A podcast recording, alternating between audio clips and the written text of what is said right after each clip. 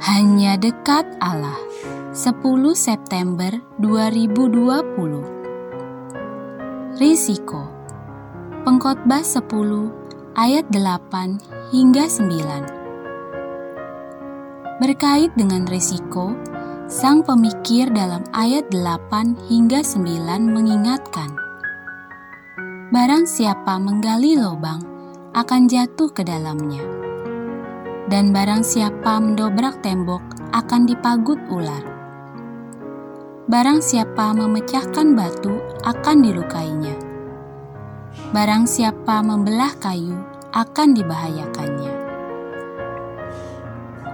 Setiap perbuatan mengandung risiko.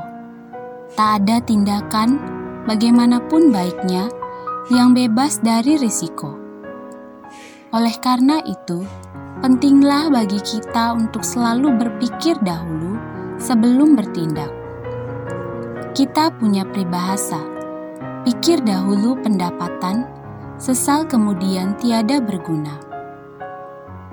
Dinding rumah di Israel pada masa itu biasa dibuat dari batu atau batu bata, dan celah di antara batu-batu itu diisi dengan lumpur. Jika sebagian lumpur itu hilang, seekor ular dapat tinggal di dalam dinding. Namun demikian, kemungkinan itu tak perlu membuat orang akhirnya urung mendobrak tembok. Jika memang perlu, tindakan itu memang harus dilakukan.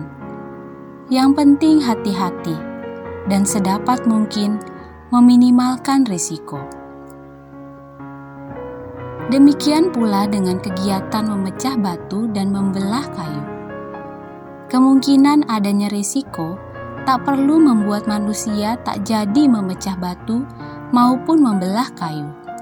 Sekali lagi, yang penting dalam hidup adalah memahami adanya risiko dan sedapat mungkin mengurangi risiko yang mungkin terjadi. Pada titik inilah hikmat menjadi senjata andalan. Hikmat semestinya menolong manusia untuk memahami kemungkinan terburuk dan mengantisipasinya untuk mengurangi akibat buruknya. Dan pilihan memang ada pada kita. Salam semangat dari kami, Literatur Perkantas Nasional. Sahabat Anda bertumbuh.